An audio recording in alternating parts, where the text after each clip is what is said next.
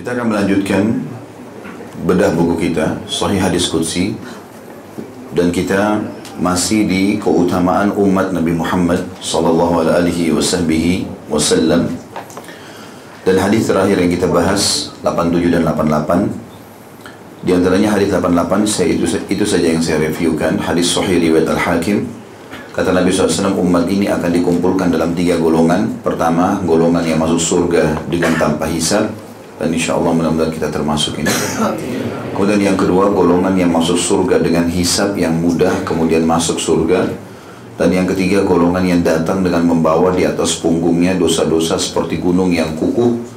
Lalu Allah bertanya tentang mereka padahal dia lebih tahu tentang mereka. Siapakah mereka ini? Maka dijawab oleh para malaikat seorang hamba dari hamba-hambamu maka Allah berfirman, ambillah dari mereka dosa-dosa seperti gunung itu dan letakkanlah di atas punggung Yahudi atau Nasrani, Yahudi dan Nasrani, serta masukkan mereka ke dalam surga dengan rahmatku. Hadis ini tentu hadis sahih ya, dan hadis qudsi di mana Allah Subhanahu wa taala memberikan gambaran bahwasanya dosa-dosa umat Muhammad sallallahu alaihi wasallam bisa ditanggung oleh dosa-dosa atau ditanggung oleh ahli kitab. Kalau ada yang bertanya, kenapa harus ahli kitab? Kenapa Yahudi dan Nasrani? Kenapa nggak disebutin agama yang lain, penyembah api atau penyembah berhala misalnya? Karena memang orang-orang Yahudi Nasrani mengetahui dan mengenal Allah. Jadi mereka lebih berat uzurnya. Ya. Kenapa mereka menolak risalah Nabi Muhammad Sallallahu Alaihi Wasallam? Padahal sebenarnya mereka sudah tahu. Yahudi sudah tahu ada Nabi Musa dan tahu dalam kitab Taurat disebutkan akan ada Nabi terakhir yang bernama Ahmad bahkan dalam isi atau naskah Taurat yang asli itu disebutkan nama Ahmad. Ya. dan pada saat baginda Nabi SAW lahir Hasan ibn Thabit radhiyallahu anhu salah satu penyair Nabi SAW dari penduduk Madinah beda umurnya tujuh tahun dengan Nabi SAW maka dia mengatakan pada saat saya umur tujuh tahun saya sedang berada di salah satu dari benteng-benteng Yahudi. Kemudian naiklah seorang pendeta Yahudi di atas menara Kemudian dia berteriak mengatakan, Hai Yahudi, hari ini telah terlihat bintang Ahmad yang tidak terlihat kecuali pada hari lahirnya. Jadi orang-orang Yahudi sangat tahu, sangat tahu tentang Nabi Muhammad wasallam. Bahkan Allah mengatakan dalam Al-Qur'an, "A'udzubillahi minasyaitonirrajim, ya'rifunahu kama ya'rifuna abna'ahum." Mereka sangat mengenal Muhammad wasallam sebagaimana mereka mengenal anak-anak mereka. Karena sangat rinci warna kulitnya, rambutnya, uh, uh, alisnya, uh, poster tubuhnya, ya semua terinci sampai ke masalah keluarganya, jalur nasabnya, keluar di mana pun, ya, masuk keluar di kota Mekah, kemudian akan hijrah ke Madinah. Dan kita tahu di Madinah itu ada tiga suku Yahudi, Kainuqa, Nadir, dan Quraidah. Tiga-tiganya tinggal di masa Nabi SAW uh, waktu hijrah. Itu sudah datang jauh sebelum Nabi SAW lahir dan waktu ditanya kenapa kalian datang ke sini oleh penduduk Madinah yang nanti jadi Ansar setelah masuk Islam dari dua suku Aus dan Khazraj, mereka mengatakan ini adalah mahjarun Nabi. Ini tempat hijrahnya Nabi. Jadi mereka sangat tahu itu.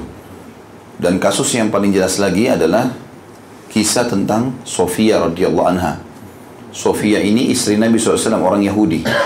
Ibu, uh, ayahnya bernama Huyai, Huyai bin Akhtab.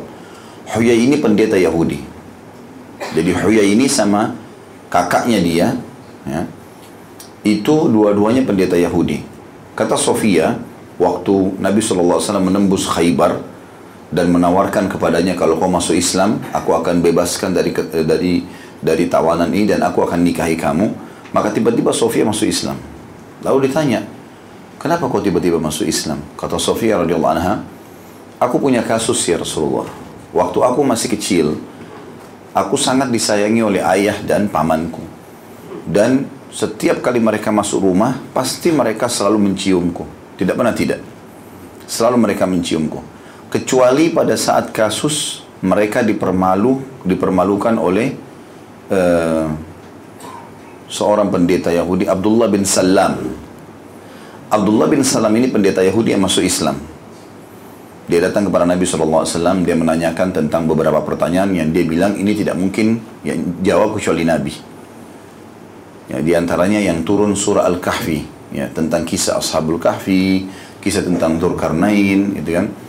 kemudian makanan ahli surga dan beberapa pertanyaan ditanyakan. Maka dia masuk Islam lalu dia mengatakan ya Rasulullah, sesungguhnya orang-orang Yahudi ini kaum yang suka berkhianat. Maka dia dari Yahudi dia bilang begitu. Dia pendetanya. Jangan sampaikan Islamku ini sampai anda mengundang para pendeta mereka. Maka Nabi SAW undang. Di antara yang diundang adalah ayahnya Sofia sama pamannya Sofia. Datanglah, kemudian Nabi SAW tanya, berkata, Hai Yahudi, masuk Islam lah. Kalian tahu aku adalah utusan Allah. Jangan pura-pura nggak tahu nih. Dalam Taurat ada, dan kalian menunggu di Madinah ini sebagai tempat hijrahku. Kalian tahu nasabku, kalian tahu paras wajahku, fisikku, semua dijelaskan Nabi SAW. Enggak, mereka enggak mau. Dengan alasan kami mau Nabi terakhir dari Bani Israel. Ya. Nabi Ibrahim alaihissalam punya dua anak, uh, punya dua istri dari dua anak, eh, dari dua, punya dua dua anak dari dua istri. Sarah ada Ishak dan Hajar ada Ismail. Dua-duanya kan Nabi, anak Nabi Ibrahim alaihissalam. Setelah Ishak dan Ismail ini, semua nabi yang datang dari turunan Ishak. Datang Nabi Yakub yang dikenal dengan Israel. Makanya dikatakan Bani Israel keturunan Nabi Yakub. Ada Yusuf, ada Daud, ada Sulaiman, ada Musa, ada Isa, ada Ayub, ada Zakaria, ada Eliasa, ada Daniel. Banyak nabi-nabi dikenal dengan nabi-nabi Bani Israel. Nah, nabi terakhir setelah Nabi Isa muncul dari jalur sebelah, Ismail. Itu dikenal dengan turunan Arab, gitu kan? Mereka nggak mau, mereka mau dari turunan Yakub. Mereka nggak mau dari mau, mau mau yang dari turunan Ishak, tidak mau dari turunan Ismail. Ini alasan tidak masuk akal. Apa bedanya antara Ishak sama Ismail? Supaya membenarkan pendapat mereka, mereka mengatakan karena Ishak ibunya Sarah itu tuan terhormat. Ismail ibunya Hajar mantan budaknya Sarah. Mereka rekayasa-rekayasa segala macam alasan. Yang jelas pada saat itu datanglah Huyai bin Akhtab dengan teman-temannya 9-10 orang pendeta Nabi SAW nasihati nggak mau dengar lalu Nabi bilang mereka bilang kami tidak mau beriman kecuali nabinya dari Bani Israel kalau kau kami nggak percaya gitu. maka ini di masjid Nabi nih lalu kata Nabi SAW bagaimana pendapat kalian tentang Abdullah bin Salam Abdullah bin Salam ini pendeta mereka yang masuk Islam berapa hari eh, hari itu juga ya lalu mereka bilang oh dia itu adalah orang alim kami dia anaknya orang alim kami. Maksudnya dia sama ayahnya pendeta kami.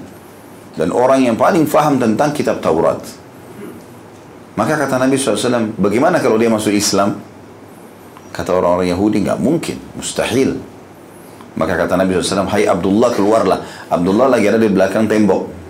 Dia masuk masjid lalu dia mengatakan, Asyhadu an la ilaha illallah wa anna Muhammad Rasulullah. Bertakwalah hai Yahudi masuk Islam. Kalian tahu ini adalah Nabi. Maka mereka tiba-tiba mengatakan, dia adalah orang yang paling bodoh di antara kami, anaknya orang bodoh. Begitu riwayat Bukhari. Mereka saking ya membangkangnya, gitu kan. Tadi baru dipuji, sekarang bisa dimusuhi. Maka pada saat itu kata Sofia, kita kembali kepada kisah Sofia, pada hari setiap hari setiap setiap hari kalau ayahku dan pamanku masuk ke rumah pasti mereka menciumku. Di hari yang mereka dipermalukan oleh Abdullah bin Salam, maka mereka tidak menciumku sama sekali dan aku mendengar pembicaraan mereka. Jadi Sofia dari kecil dengar itu. Maka ayahku bertanya pada pamanku, apakah dia betul nabi yang sudah disebutkan dalam Taurat? Maka kata pamanku, iya. Apakah betul tanda-tandanya semua ada padanya? Iya. Memang dia nabi terakhir itu. Lalu kata ayahku, bagaimana pendapatmu? Apa kau akan beriman? Kata pamanku, sama sekali tidak. Nggak mau beriman. Maka uniknya, ayahnya Sofia mengatakan, aku bersamamu tidak mau beriman, gitu kan? Maka kata Sofia, semenjak itu aku tahu anda adalah utusan Allah. Makanya pada saat Nabi SAW tawarkan untuk dinikahi pada saat selesai perang Khaybar, Sofia langsung terima, gitu kan? Jadi orang Yahudi ini agak berbeda. Mereka sangat tahu Nabi Muhammad SAW. Bahkan Allah sudah cukup menggambarkan mereka mengenal Nabi SAW melebihi ya, atau seperti mengenal anak-anak mereka sendiri. Ya. Jadi bagaimana sih orang tidak kenal anaknya? Anak kita mau ditukar sama orang pun kita tahu, gitu kan? Maka seperti itu mereka mengenal Nabi SAW. Makanya Abdullah bin Abbas menafsirkan Al-Fatihah ghairil maghdubi alaihim bukan orang yang kau murkahi adalah orang Yahudi. Ya, dan sampai hari ini orang Yahudi tahu Islam itu benar. Bahkan uniknya mereka saling berbisik satu sama yang lain. Nanti hari kiamat kita alasan saja sama Allah kalau kita mau dari Bani Israel. Ya. Begitu diceritakan dalam Al-Quran pun begitu. Ya. Kemudian juga sebab orang-orang Ansar masuk Islam, di, di Madinah ada Aus dan Khazraj, dua suku Arab. Nanti dikenal Ansar setelah masuk Islam. Mereka ini, dua suku ini penduduk asli Madinah. Orang-orang Yahudi licik. Supaya mereka bisa, ini inisiatif mereka sendiri. Sebenarnya tidak ada yang ganggu. Tapi mereka berpikir kalau datang di satu lokasi, buat berantem tuh. Jadi dibuatlah perang Aus dan Khazraj. Ketiga suku Yahudi ini mensuplai senjata, mensuplai makanan, mengadu domba, sampai dua suku ini berantem terus, perang-perangan. Banyak korbannya, gitu kan. Dan pada saat itu, pada saat mereka lagi perang, dia mengatakan, ya, mereka eh, orang-orang Yahudi mengatakan nanti akan keluar nabi terakhir di sini, kami akan beriman padanya dan kami akan memerangi kalian. Makanya pada saat Nabi SAW di musim haji menawarkan kepada penduduk Madinah tentang kenabian beliau, Salah satu sebab utama kenapa orang-orang Madinah mau beriman, mereka bilang, ini Nabi yang orang-orang Yahudi ceritakan tuh. Maka sebelum Yahudi beriman, kita beriman duluan. Maka berimanlah penduduk Madinah kepada Nabi SAW. Jadi ini ringkas sedikit tentang masalah kenapa Yahudi di sini. Dan kenapa Allah bebankan kepada mereka beban dosa orang Islam pada hari kiamat. Karena mereka tahu kebenaran tapi mereka tidak mau. Ditambah hukuman, gitu kan.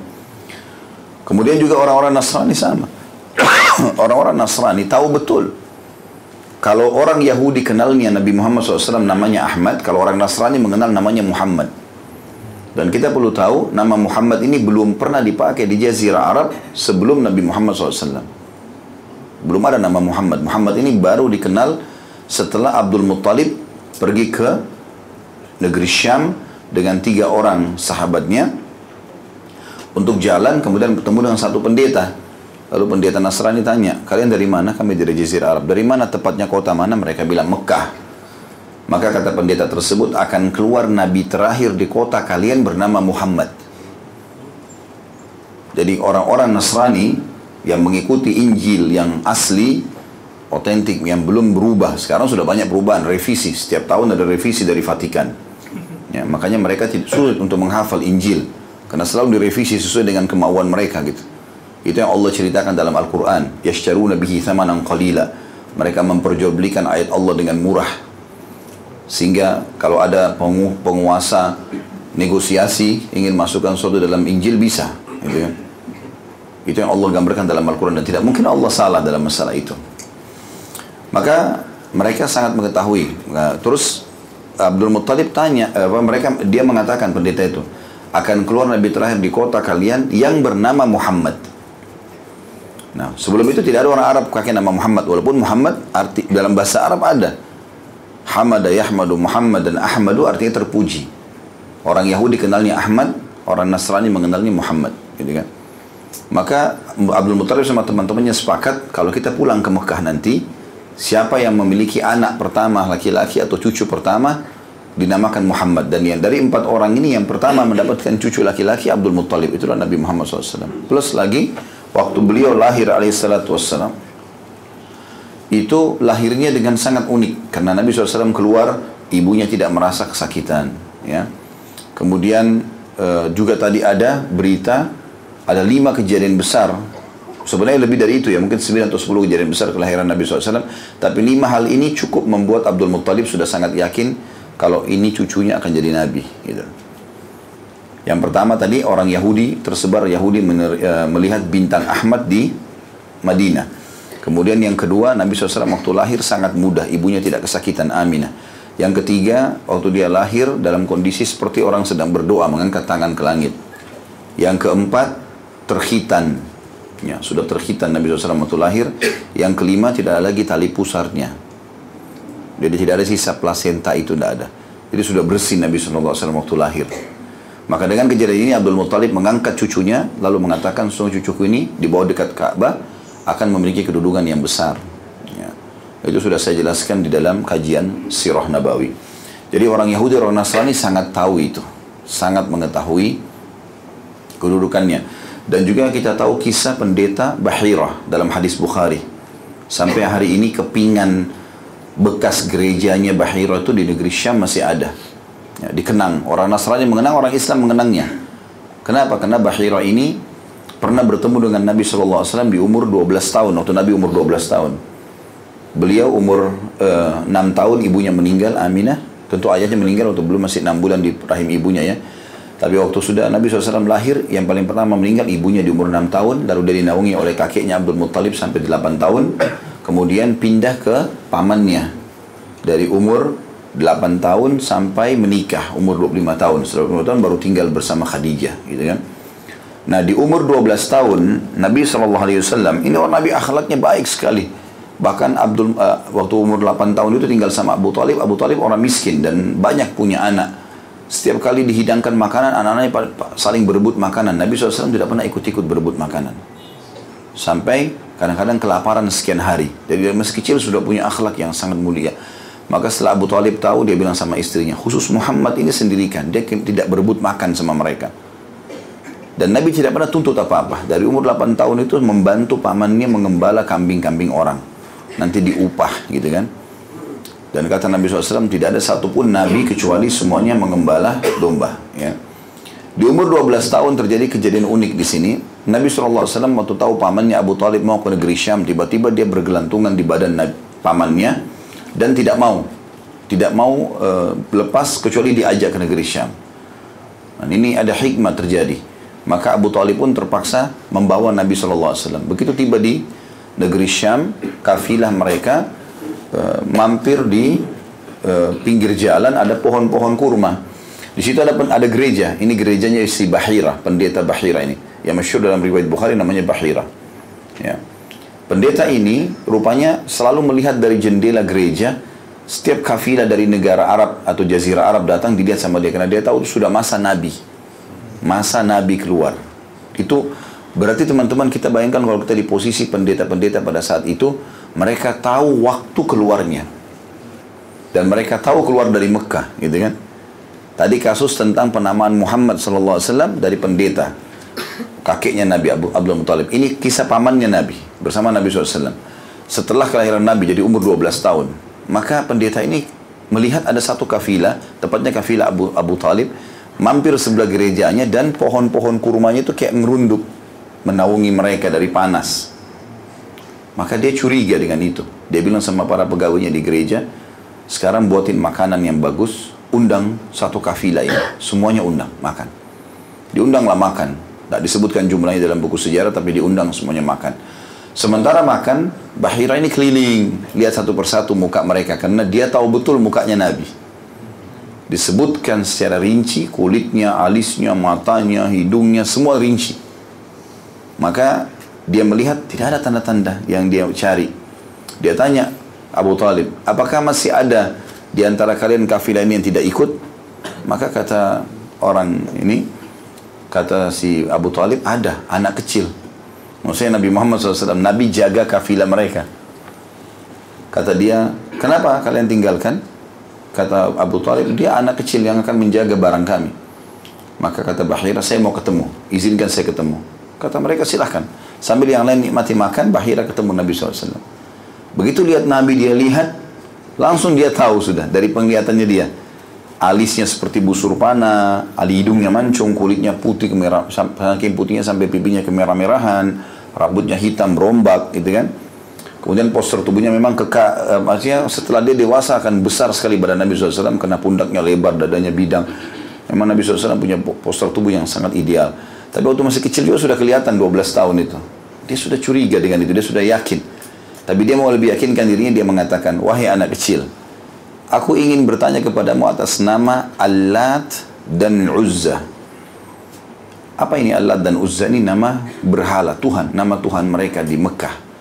Nah orang-orang Quraisy ini, kalau sudah ditanya atas nama Lat dan Uzza, mereka ketakutan bohong. Tidak berani bohong. Dianggap anti kualat. Ya. Itu keyakinan mereka. Maka dia kaget, Bahira kaget waktu dia tanya, saya tanya kepadamu hai anak kecil atas nama Lat dan Uzza, maka tiba-tiba Nabi SAW mengatakan, jangan kau sebutkan nama dua berhala itu, karena tidak ada sesuatu yang lebih aku benci dari keduanya. Pada anak 12 tahun tahu dari mana dia berhala. Tapi dia sudah dijawab seperti itu. Kata Buhaira, kalau begitu saya tanya kepadamu atas nama Allah. Kata Nabi SAW, kalau atas nama Allah tanyalah. Di umur 12 tahun ya. Kalau kita mungkin baru tamat SD ya. Maka setelah itu Bahira uh, bertanya beberapa hal kepada Nabi Shallallahu Alaihi Wasallam yang berhubungan tentang masalah kehidupan beliau, ya orang tuanya. Lalu Bahira sangat yakin dengan jawaban-jawabannya. Dia lahir di Mekah, ayahnya meninggal waktu masih di dia masih di perut ibunya dan segala macam sampai akhirnya Abu Hurairah mengatakan bolehkah saya lihat pundakmu maka Nabi SAW mengatakan silahkan dibukalah baju Nabi SAW ternyata di sebelah pundak kanannya ada tanda kenabian ya, tanda kenabian ini seperti daging yang ada lebih dari daging yang umumnya terus berwarna agak merah-merah hitam dan ada buluhnya di sekitarnya itu tanda kenabian semua nabi ada itu tapi ini sudah habis sampai Nabi zaman Nabi Muhammad ya. Ya ada yang ngaku-ngaku. Ya. Hmm. Kenapa sih ada yang ngaku Nabi palsu itu? Ya. Di Indonesia kan ada yang ngaku Nabi kan? Ada, banyak lagi. Pendusta semuanya. Karena kata Nabi SAW akan muncul setelah aku nanti meninggal 30 dajjal, 30 pendusta yang semuanya mengaku Nabi, ketahuilah aku penutup para Nabi dan Rasul. Yang jelas pada saat itu Bahira begitu melihat, dia pun mencium tanda kenabian tersebut. Kemudian dia mengatakan kaulah orangnya. Lalu dia masuk ke dalam. Dia mengatakan kepada Abu Talib, siapa walinya anak ini? Wali berarti pernah menjawab. Kata Abu Talib, aku ayahnya. Kata Bahira, enggak mungkin. Anak ini meninggal, ayahnya sementara dia masih di rahim ibunya enam bulan. Ibunya meninggal waktu dia umur enam tahun. Dan dia dipelihara oleh kakeknya dua tahun kalau kau benar walinya kau pamannya. Padahal Bahira belum pernah bicara sama Abu Talib baru kali itu. Maka kata Abu Talib di depan semuanya orang-orang Quraisy waktu yang ikut dari mana anda tahu semua itu? Kata Bahira ini nabi terakhir yang kami tunggu. Ya ini nabi terakhir yang kami tunggu dan bawa pulang segera ponakanmu ini ke Mekah karena kalau orang Yahudi tahu dia keluar bukan dari Bani Israel maka mereka akan membunuhnya maka Abu Talib pun membawa pulang ke Mekah. Jadi banyak bukti kalau orang-orang Nasrani pun tahu Nabi Muhammad SAW. Mereka tahu. Ya. Dan itu kalau mereka jujur dan mengikuti isi Taurat dan Injil yang benar pasti akan terarahkan kepada uh, Nabi Muhammad SAW. Oleh karena itu mereka berbeda. Dibedakan dengan orang Hindu, orang Buddha, orang penyembah api. Karena itu belum kenal Allah. Ini mereka sudah kenal Allah. Nggak ada alasannya. Makanya Syekh Abu Bakar Jazair rahimahullah mengatakan, uniknya orang Yahudi dan Nasrani menolak risalah Nabi Muhammad SAW, padahal mereka tahu akan keluar Nabi terakhir. Dan tidak ada ciri yang paling tepat kecuali Nabi Muhammad SAW. Dari dakwah beliau 23 tahun saja sekarang penduduk dunia ini paling banyak pengikut Nabi SAW. Al-Quran bisa dibaca. Dan kalau orang jujur membaca Al-Quran dari hatinya, dia akan dapat petunjuk itu. Ya. Jadi ini kurang lebih alasan kenapa ya mereka malah dibebankan dengan dosa-dosa umat Islam pada hari kiamat. Ya. Bahkan ada sebuah riwayat seingat saya, itu setiap orang di antara kita punya tempat di surga dan di neraka. Kalau dia meninggal dalam keadaan beriman, maka dia akan masuk surga dan tempatnya di neraka diberikan kepada orang-orang kafir. Kalau dia meninggal dalam keadaan fasik, masih banyak dosanya, dia harus masuk neraka dulu, maka dia akan dilemparkan ke neraka di tempatnya, lalu kemudian dia masuk dalam surga. Maka jelas sekali banyak dalil yang berhubungan dengan masalah itu. Mirip juga dengan kasus bab jihad. Jadi berbeda pahalanya kalau kita dibunuh oleh ahli kitab sebagai orang Islam dengan dibunuh oleh selain ahli kitab. Kalau ahli kitab yang membunuh kita, kita dapat dua pahala syahadah, dua pahala mati syahid. Karena mereka tahu kita beriman, gitu Maka kita mendapatkan double pahala itu. Kita akan masuk ke bahasan hadis kita hari ini, hadis nomor 89 dengan sanad hasan dari Abu Umamah radhiyallahu anhu bahwa Rasulullah sallallahu alaihi wasallam bersabda, "Idza kana yaumul qiyamati qamat thullatun minan nasi yasudduna al-ufuq nuruhum kasyams fayuqal fayatahassasu laha kullu nabi fayuqal Muhammadun wa ummatuhu wa ummatuhu ثم يقوم ثلة أخرى يسد ما بين الأفق نورهم كالقمر ليلة البدر. فيقال النبي الأمي فيتحسس لها كل شيء. فيقال محمد وأمته وأمته.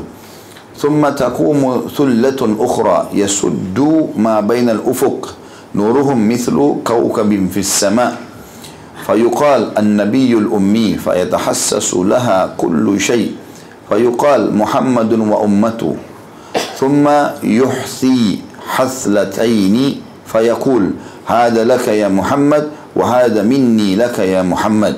Thumma yudha'ul mizan artinya ketika hari kiamat terjadi nanti dan ini pasti terjadi ada serombongan manusia berdiri menutupi ufuk. Ya. Dan mana ufuk adalah sesuatu yang bisa dijangkau oleh mata. Jadi saking banyaknya jumlahnya. Cahaya mereka seperti matahari. Dikatakan, dia adalah Nabi yang ummi. Nabi yang buta huruf, maksudnya Nabi Muhammad SAW. Maka setiap Nabi mencari tahu tentangnya. Sehingga dikatakan mereka adalah Muhammad beserta umatnya. Kemudian rombongan lainnya berdiri yang menutupi di antara ufuk. Cahaya mereka seperti bulan di malam purnama. Sehingga dikatakan itu adalah Nabi yang ummi. Maka segala sesuatu mencari informasi tentangnya. Lalu dikatakan itu adalah Muhammad dan umatnya. Kemudian rombongan lainnya berdiri yang menutupi di antara ufuk. Cahaya mereka seperti bintang-bintang di langit. Sehingga dikatakan itu adalah Muhammad, Nabi yang ummi. Maka setiap sesuatu mencari informasi tentangnya. Lalu dikatakan itu adalah Muhammad dan umatnya. Kemudian dia menciduk dua cidukan. Dianya dia besar kata ganti Allah. Ya. Kemudian Allah menciduk dua cidukan seraya berfirman ini untukmu wahai Muhammad dan ini dariku untukmu wahai Muhammad. Kemudian timbangan amal atau mizan diletakkan dan penghiat, penghisaban dimulai. Hadis ini sahih diriwayatkan oleh At-Tabarani.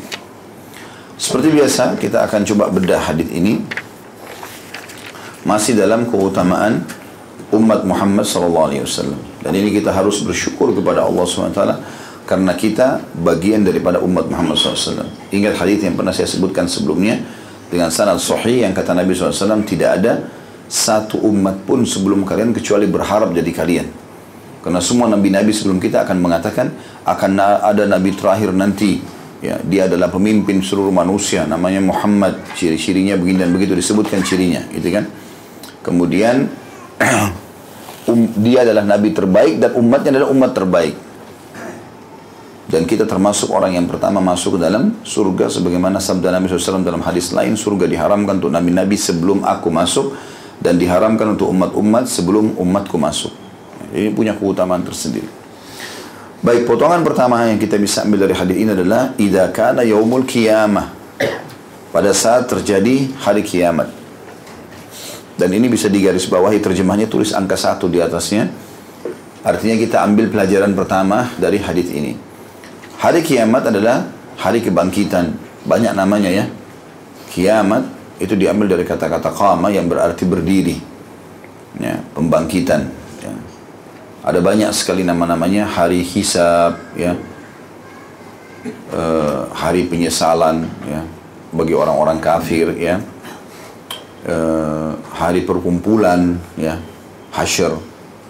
Dan ini banyak sekali nama-nama hari kiamat dan ini adalah satu paket ya dari mati sampai kebangkitan dan surga dan neraka atau dari mati sampai surga dan neraka. Ini salah satu rukun iman kita yang kelima. Salah satu rukun iman tepatnya nomor lima iman kepada hari kiamat. Paketnya kematian prosesi kematian dari malaikat. Kalau dia adalah orang beriman maka akan disambut oleh malaikat rahmah kasih sayang dan membawa kain kafan dari surga. Kalau dia orang fasik atau kafir maka akan disambut oleh malaikat penyiksa membawa kain kafan dari neraka.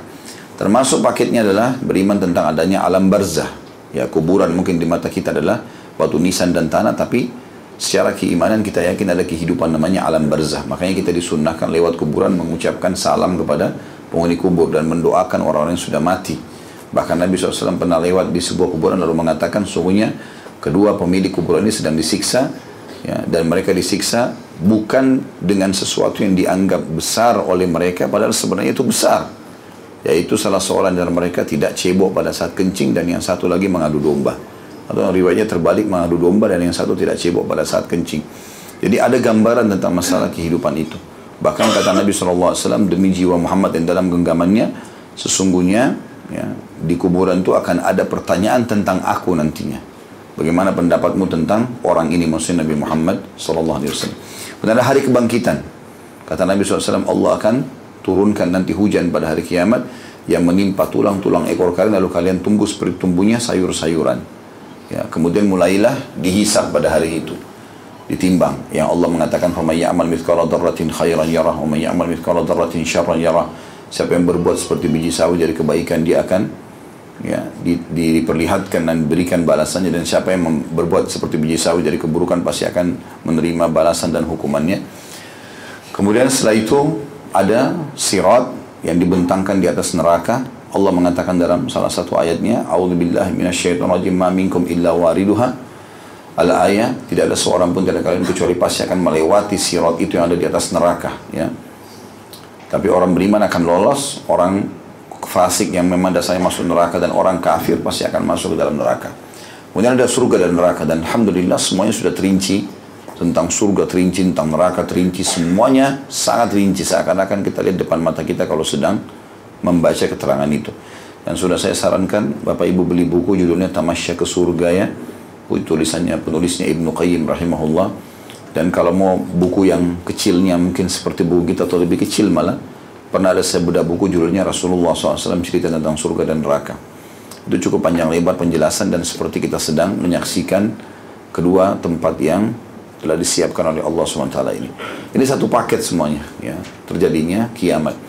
Beriman kepada hari kiamat ini teman-teman membuat seseorang tenang dalam melalui kehidupannya di dunia. Kalau dia dalam keadaan nikmat, dia bisa tahu ini adalah miniatur surga.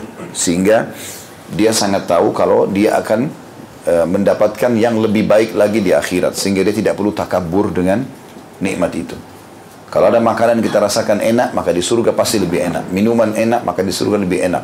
Biologis, maka tetap di sana lebih enak. Dan segala macam hal, surga itu jauh lebih nikmat daripada dunia. Dan semua kenikmatan dunia adalah miniaturnya. Sementara juga, uh, neraka atau siksa di dunia ini adalah miniatur neraka. Ya, miniatur neraka. Maka neraka jauh lebih berat daripada itu. Ya. Jadi orang-orang beriman sangat yakin tentang keberadaan surga itu dan pasti akan ke sana. Nah, kalau dia sedang diberikan cobaan oleh Allah SWT, dia akan mudah sabar. Ya. Kalau itu cobaan, maka dia yakin di akhirat akan lebih berat Nah, kalau misalnya dia pernah berbuat dosa lalu dia sakit, dia dicoba juga dengan Allah SWT bangkrut usaha, diganggu orang, maka seorang muslim tahu itu adalah pembersihan dosa. Allah Subhanahu wa taala ingin orang-orang beriman dibersihkan dosanya sebelum meninggal. Sebelum meninggal. Bahkan Imam Qurtubi mengangkat riwayat hadis Nabi sallallahu alaihi wasallam kalau orang kafir Allah permudah kematiannya ya agar menghabiskan semua kebaikannya. Jadi misalnya orang kafir pernah semasa hidupnya dia berbakti sama orang tua, dia sedekah. Dalam Islam kan itu bagus ya. Tapi dia tidak bisa dapat pahala karena dia tidak beriman. Maka Allah subhanahu wa ta'ala menghabiskan itu di dunia. Diberikanlah dia harta yang melimpah, diberikan segala macam termasuk matiannya mudah. Sementara orang mukmin Allah subhanahu wa ta'ala berikan cobaan di kematiannya dan itulah yang kata Nabi SAW kalian melihat ada keringat di pelipisnya untuk membersihkan semua dosanya sehingga dia bertemu dengan Allah tidak ada dosa lagi. Ya. Maka itu termasuk ya keutamaan tersendiri. Beriman kepada hari kiamat juga ini kalau kita diganggu oleh orang, teman-teman kita akan tenang. Sekarang orang menggibah, orang menggunjing, memfitnah, tidak usah balas keburukan dengan keburukan. Berulang kali kita sebutkan di kelas kita ini. Jadilah orang yang cerdas. Kalau ada orang yang menggibah kita, menggunjing kita, ya memfitnah, mengambil hak kita, kita berusaha luruskan. Tapi setelah itu tidak usah habiskan energi, cukup. Ada orang tanya kita jelaskan, tidak usah. Yang ini tidak usah. Pernah ada seorang sahabat punya beberapa orang budak. Lalu dia berkata, ya Rasulullah, saya punya beberapa orang budak. Hampir setiap hari mereka buat masalah nih. Menipu saya, mengambil hak saya, apa yang saya instruksikan mereka tidak mau dengar. Maka saya pun balas dengan mencaci maki mereka dan menghukum mereka. Bagaimana menurut anda? Kata Nabi SAW, hari kiamat nanti kau dan budak-budakmu akan didatangkan. Kalau kau tidak selesaikan di dunia nih, kau akan didatangkan sama mereka. Lalu Allah menilai kadar pelanggaran mereka, dipertemukan dengan kadar hukumanmu. Jadi kalau misalnya kadar pelanggaran mereka 100, kadar hukumanmu 100, balance lah. Tidak ada hukuman buat mereka, tidak ada juga hakmu kau bisa ambil. Ya. Tetapi kalau kadar pelanggaran mereka lebih besar daripada hukumanmu, misal kadar pelanggaran mereka seribu, kita menghukum mereka karena pegel sakit hati kita? Cempa saja maki tapi cuma 100 ada selisih 900 kau akan dapat pahala-pahala mereka? Tapi ingat kalau seandainya hukumanmu lebih besar daripada pelanggaran mereka misal pelanggaran mereka cuma 100 nilainya cacian kita ini 1000 maka kita akan di, uh, uh, kita akan uh, pahala kamu akan diberikan kepada dia atau kepada mereka maka sahabat itu langsung menangis lalu mengatakan, saksikan ya Rasulullah, mulai sekarang mereka aku bebaskan semua. Ada lagi budak sudah. Daripada ada masalah, lebih baik dibebasin gitu. Artinya di sini kita ambil pelajaran teman-teman Allah Maha Adil pada hari kiamat. Alhamdulillah. Allah Maha Adil. Oleh karena itu orang kalau caci maki kita senyum saja. Oh ini dia transfer pahala ke saya. Tidak usah dibalas. Karena semua orang pasti digunjing. Siapa sini tidak pernah digunjing? Coba angkat tangan. Saya mau kasih mikrofon, suruh cerita. Bagaimana pengalaman dia 20, 30 tahun, 40 tahun hidup tidak pernah digibah orang. Coba. Hah? Atau ya tidak pernah difitnah. Nggak pernah ditipu. Ya. Ada nggak kira-kira orang yang tidak pernah ditipu di sini? Walaupun seribu rupiah, dua ribu rupiah. Ya. Subhanallah, ada saja. Ada nggak orang di antara kita yang tidak pernah sakit? Hmm? Atau kita pilih salah satu penyakit mungkin yang standar. Ada orang tidak pernah flu, nggak pernah demam. Ada orang di antara kita tidak pernah keseleo kakinya. Semua pernah alami itu. Ya. Subhanallah, ada hal-hal di dunia ini yang memang dasarnya semuanya lalui. Maka bukan cuma kita, kalau cuma kita sendiri yang digunjing, mungkin aneh. Tapi semua orang. Cuma orang mukmin cerdas sama teman sekalian. Ya. Makanya salah satu hikmah dikatakan oleh para ulama Nabi Alaihissalam pada saat meninggal itu rambut putihnya hanya tiga helai. Tidak pernah balas keburukan orang dengan keburukan. Antum baru dipancing sedikit, wah luar biasa. Gulung baju langsung mau tonjok-tonjokan. Sabar. Kita bukan berarti pengecut kalau kita nggak balas kok. Kalau kita mau tuntut orang silahkan. Tapi ingat, tuntutan-tuntutan semua itu akan dipertemukan nanti dengan kadar pelanggaran mereka hari kiamat. Bisa saja antum tidak dapat pahala lagi sama sekali. Maka harus lebih bijaksana. Seperti itulah. Beriman tentang adanya hari kiamat membuat orang lebih bisa mengontrol itu. Seberat apa pun cobaan di muka bumi ini, itu hanya sebatas di dunia. Dan semua akan ada pahalanya. Kata Nabi SAW dalam hadis sahih, Inna idhamal ajri ma idhamal bala. Sesungguhnya besarnya kadar balasan hari kiamat sesuai dengan kadar besarnya cobaan. Bagaimana antum bisa mengontrol lisan, itu begitu. Makanya Said bin Musayyab rahimahullah salah satu ulama tabi'in pernah melihat ada orang keluh kesah. Hampir semua orang ditemuin semua keluhan. Si fulan dia kenal dikeluhkan masalah kehidupannya dia. Si fulan semua dikeluhkan. Bin Musayyab pegang tangannya lalu mengatakan dekatkan mukamu dengan mukaku didekatkan lalu dia bilang apa kau lihat mataku sebelah kanan ini? Kata dia iya. Dia bilang ini demi Allah sudah lima tahun saya nggak bisa ngelihat tapi tidak ada yang tahu kecuali kau sekarang. Karena saya berharap pahalanya di sisi Allah SWT beda kalau kita konsultasi sama dokter misalnya. Yang dimaksud ini adalah bukan ahlinya. Ada orang begitu setiap ketemu semua orang tahu tentang rumah tangganya dia semua orang tahu tentang pekerjaannya. Kenapa? Cobaan datang kalau bukan karena cobaan, tidak ada pahala sabar. Hmm? Padahal Allah SWT mengatakan, sesungguhnya orang-orang sabar itu akan mendapatkan balasan tanpa hisap. Dan orang nanti kalau masuk surga, para malaikat mengatakan, Salamun alaikum bima sabartum, fani'ma uqbaddar. Selamat kalian masuk surga ini karena kesabaran kalian. Ini adalah senikmat-nikmat tempat kembali.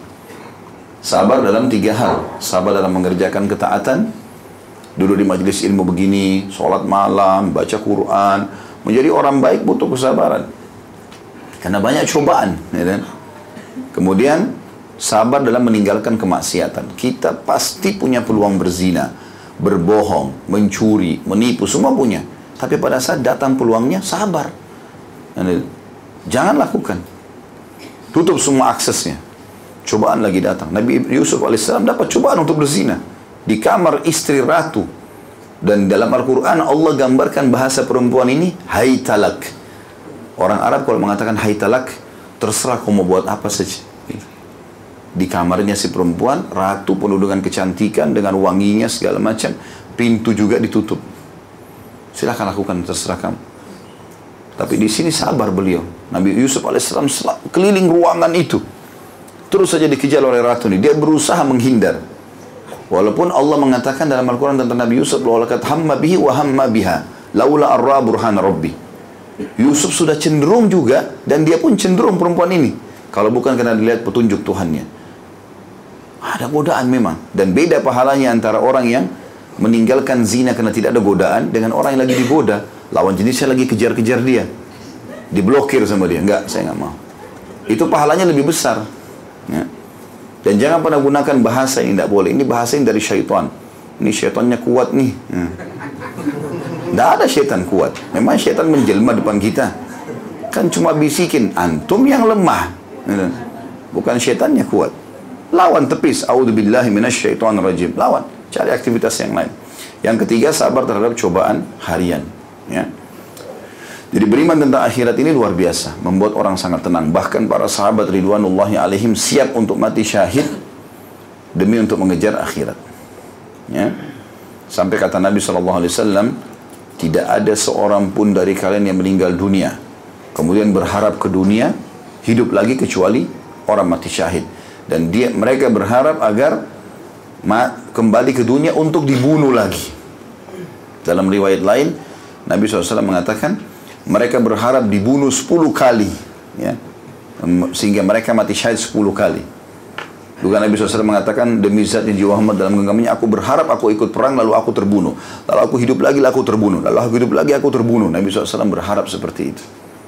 Karena besarnya pahala. Dalam riwayat lain juga kata Nabi SAW uh, uh, Allah Subhanahu Wa Taala berkata kepada para syuhada ya apa yang kalian inginkan mintalah sesuatu Sementara mereka itu, ruh-ruh mereka berada di pelatuk-pelatuk burung yang berwarna hijau dan berterbangan di surga sesuai dengan mereka inginkan.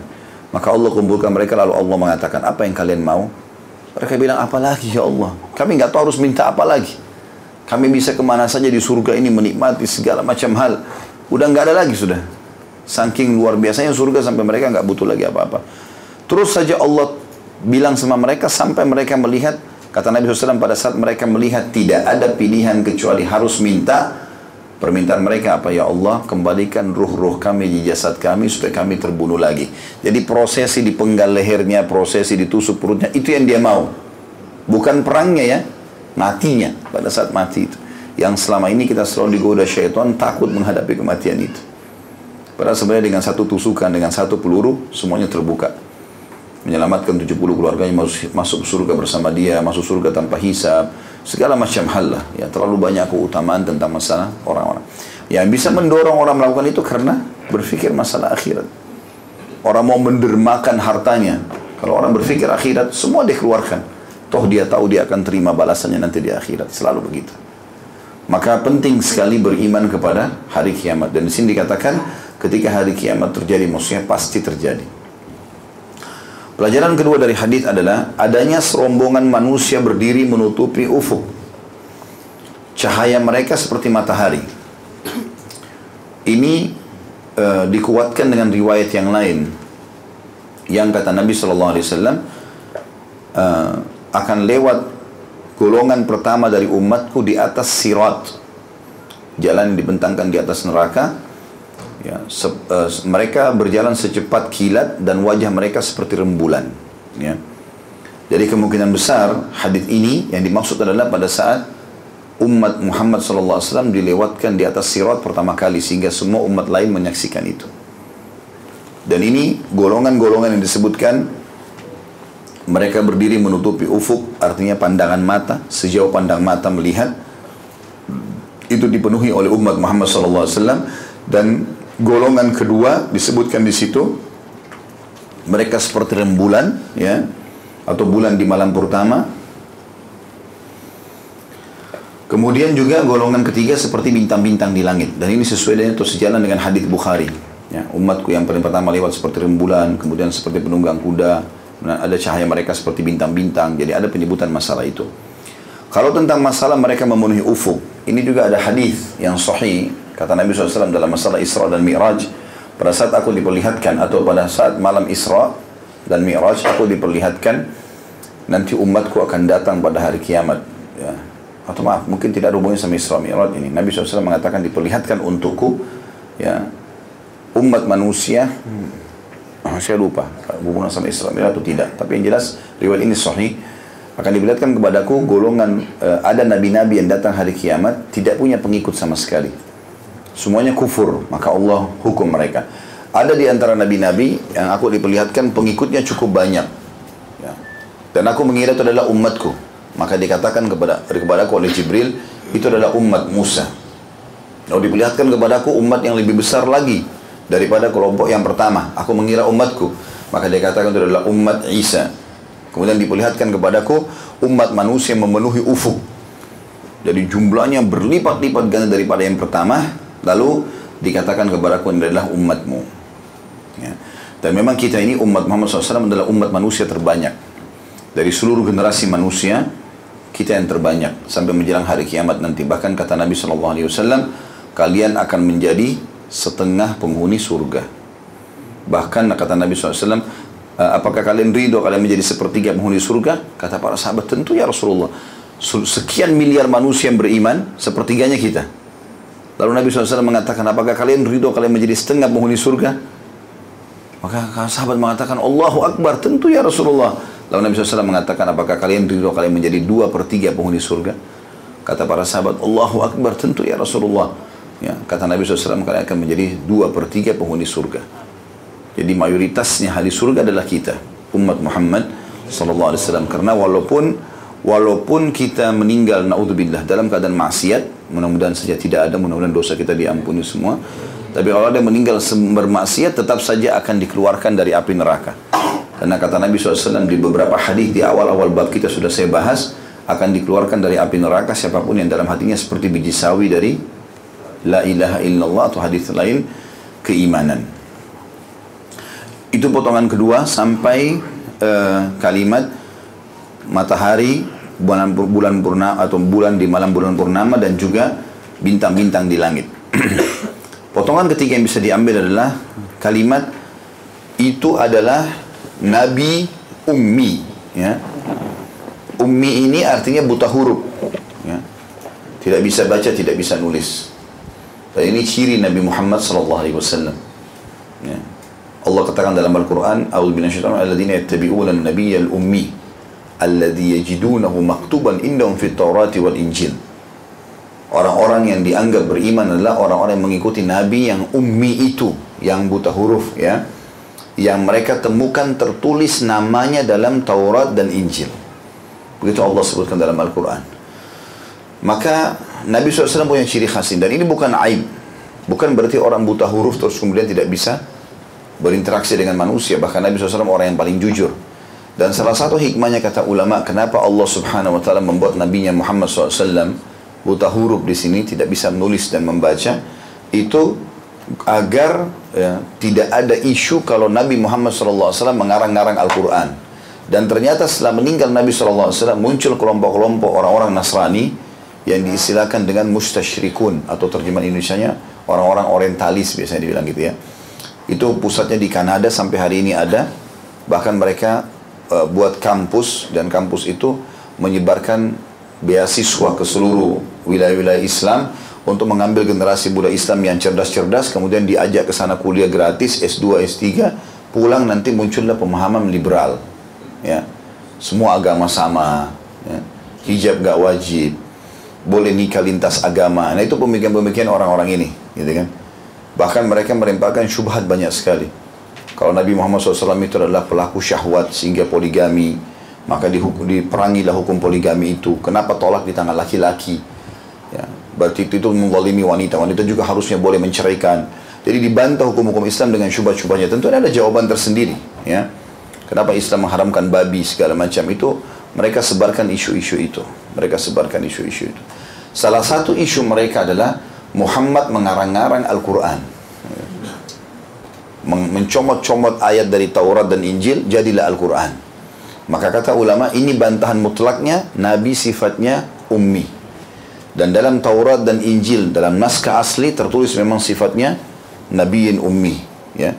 Dan itu disatukan dalam Taurat dan Injil, naskahnya itu Nabi yang buta huruf dan tidak menerima sedekah, zakat. Nabi SAW tidak memakan zakat. Beliau mengatakan sungguhnya Muhammad dan keluarga Muhammad berlepas diri dari zakat itu karena itu adalah kotoran manusia. Hadiah Nabi terima, gitu kan? Makanya Salman Al Farisi radhiyallahu anhu waktu mau masuk Islam, dia kan sempat menjadi budak seorang Yahudi di Madinah. Maka dia begitu mendengar Nabi SAW hijrah dari Mek dari Mekah ke Madinah, dia ingin menguji poin itu dulu karena dia pernah dari agama penyembah api pindah ke agama Yahudi lalu pindah ke agama Nasrani. Jadi dia tahu betul, gitu kan? Isi-isi uh, Injil dan Taurat, bahkan dia sempat menjadi ulama yang Nasrani, menjadi pendeta. Kemudian dia pernah keluar satu kali di perjalanan lalu dirampok oleh orang-orang dijual di pasar perbudakan sampai dia menjadi budak salah satu Yahudi di Madinah. Maka yang pertama dia datang adalah dia memberikan Nabi SAW sambil mengatakan ini sedekahku untuk anda. Nabi SAW tidak terima. Kemudian dia mengatakan ini berarti ciri khasnya. Karena disebutkan dalam Taurat dan Injil. Lalu kemudian dia datang besok dia mengatakan ini adalah hadiah dariku. Maka Nabi SAW menerimanya. Ya, jadi beliau menerima hadiah tapi tidak menerima sedekah untuk diri beliau ya. Kalau untuk orang lain ya. Maka itu juga diambil dari istilah Nabiil Ummi. Dan ini potongan yang ketiga yang bisa diambil dari hadis ya. Kemudian potongan yang keempat ada e, dua kalimat yang mirip tapi berbeda akhirnya yaitu maka ya, semua nabi-nabi mencarinya ya. Ada nggak di situ kan tadi?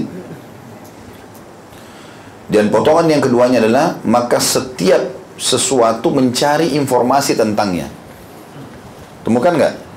Baik, itu di garis bawah dikasih angka 4. Kalau potongan pertama semua nabi-nabi mencarinya, di sini sebagian ulama hadis mengatakan karena ya mereka ingin mengetahui di mana posisi Nabi Shallallahu Alaihi Wasallam, walaupun mereka mengenal Nabi Shallallahu Alaihi Wasallam karena di hari Isra dan Miraj semua nabi-nabi bertemu dengan Nabi Muhammad SAW. Dalam riwayat Sahih bahkan Nabi mengimami seluruh nabi-nabi ruh mereka itu di Masjidil Aqsa, ya sebelum Mi'raj ke langit. Dan juga riwayat sahih yang menjelaskan Nabi SAW bertemu di setiap langit itu para nabi-nabi. Ya. Bertemu di setiap langit itu para nabi-nabi. Ya. Baik itu Isa dan Yahya, kemudian Musa dan Harun, kemudian e, bertemu dengan Ibrahim, yang ketemu dengan Idris, ketemu dengan Yusuf. Ini semua nabi-nabi yang ditemui di tujuh lapis langit itu. Maka yang dimaksud dengan nabi-nabi mencarinya adalah mencari posisi Nabi Shallallahu Alaihi Wasallam karena kemuliaan beliau. Ini semakna kata sebagian ulama dengan hadis lain kata Nabi Shallallahu Alaihi Wasallam sesungguhnya bendera puji-pujian pada hari kiamat ada di tanganku ya. Liwaul hamd. Maksudnya apa? Bendera puji-pujian. Di hari kiamat itu nanti manusia akan kepanasan Bapak Ibu sekalian. Dan kata Nabi SAW dalam sebuah hadis yang lain mereka akan tenggelam dengan peluh mereka sendiri atau keringatnya. Sudah pernah kita jelaskan hadis itu di beberapa bab yang lalu. Yang jelas pada saat itu manusia karena sangat tersiksa, mereka pun akhirnya mencari tahu di mana para nabi-nabi agar memohon mereka memberikan syafaat. Dan semua nabi-nabi terus saling menunjuk satu sama yang lain. Adam mengatakan saya sudah buat dosa, gara-gara dosa akulah dulu kalian dikeluarkan dari surga. Kemudian pergilah kepada Idris. Idris juga mengatakan jangan ke saya pergilah ke Shu'aib, Saleh, Hud. Terus sampai saling tunjuk menunjuk sampai Nabi Muhammad SAW. Begitu tiba sama Nabi Muhammad SAW, Orang-orang mengatakan, Hai Muhammad, engkau lah Nabi terakhir, engkau lah begini dan begitu, berikan Al-Quran, umatmu terbanyak, dipuji-puji. Dan kata Nabi SAW, pada saat itulah manusia di mahsyar mengenal aku. Gitu kan? Karena banyaknya manusia, maka pada saat itu orang mengenal Nabi Muhammad SAW. Lalu Nabi mengatakan, Ana lahu, ana lahu, aku pemiliknya, aku pemiliknya. Lalu aku pun sujud di bawah singgasananya Allah. dan Allah membukakan puji-pujian untukku yang belum pernah diajarkan kepada siapa pun dari umatnya. Ya. Nabi pun SAW tidak menyebutkan pujian tersebut, cuma beliau mengatakan pada saat itu diajarkan kepadaku, dibukakan pintu-pintu pujian, namanya hamd. Yang belum pernah dipujikan atau Allah ajarkan kepada hamba-hambanya. Sehingga dengan itu Allah ridha. Karena semua nabi-nabi mengatakan, aku nggak bisa buat apa-apa hari ini. Nafsi-nafsi, diriku sendiri, diriku sendiri, Sesungguhnya Allah telah murka belum pernah murka sebelumnya seperti ini karena banyaknya dosa anak Adam. Setelah Nabi SAW memuji-muji Allah, barulah ya keluar uh, apa Allah SWT mengatakan ya Muhammad irfa ra'sak wa shfa tushfa. Hai Muhammad angkat kepalamu, mintalah syafaat maka engkau akan diberikan atau diterima syafaatnya. Ya. Jadi itulah sebabnya kenapa para nabi-nabi mencari Nabi Muhammad SAW dan juga kenapa di sini dikatakan setiap sesuatu mencarinya. Apa maknanya setiap sesuatu? Apa bedanya dengan tadi setiap nabi? Artinya mau manusia, mau jin, semuanya cari Nabi Muhammad SAW. Karena ulama mengatakan kalau poin ini dipertemukan dengan hadis tentang syafaat. Dan ulama mengatakan syafaat pertolongan hari kiamat. Ada syafaat Nabi yang umum, ada syafaat Nabi yang khusus. Syafaat Nabi yang umum, yang pada saat beliau sujud lalu Allah mengatakan angkatlah kepala Muhammad berilah syafaat kau akan diterima syafaatmu syafaat umum agar Allah datang menghakimi semua makhluk. Oleh karena itu semuanya butuh dengan Nabi SAW pada hari kiamat. Kemudian syafaat khusus untuk umatnya saja. Ya, untuk kita saja. Alaihi salatu wassalam. Ini potongan yang keberapa? Yang keempat. Hadir enggak ini? Masih hidup ya? Baik, potongan yang kelima dari hadis. Ya. Di situ ada potongan yang mengatakan kemudian dia D-nya besar. Berarti kata ganti Allah. Kemudian dia menciduk dua cidukan seraya berfirman, ini untuk wahai Muhammad dan ini dariku untuk wahai Muhammad. Maksudnya apa diciduk di sini?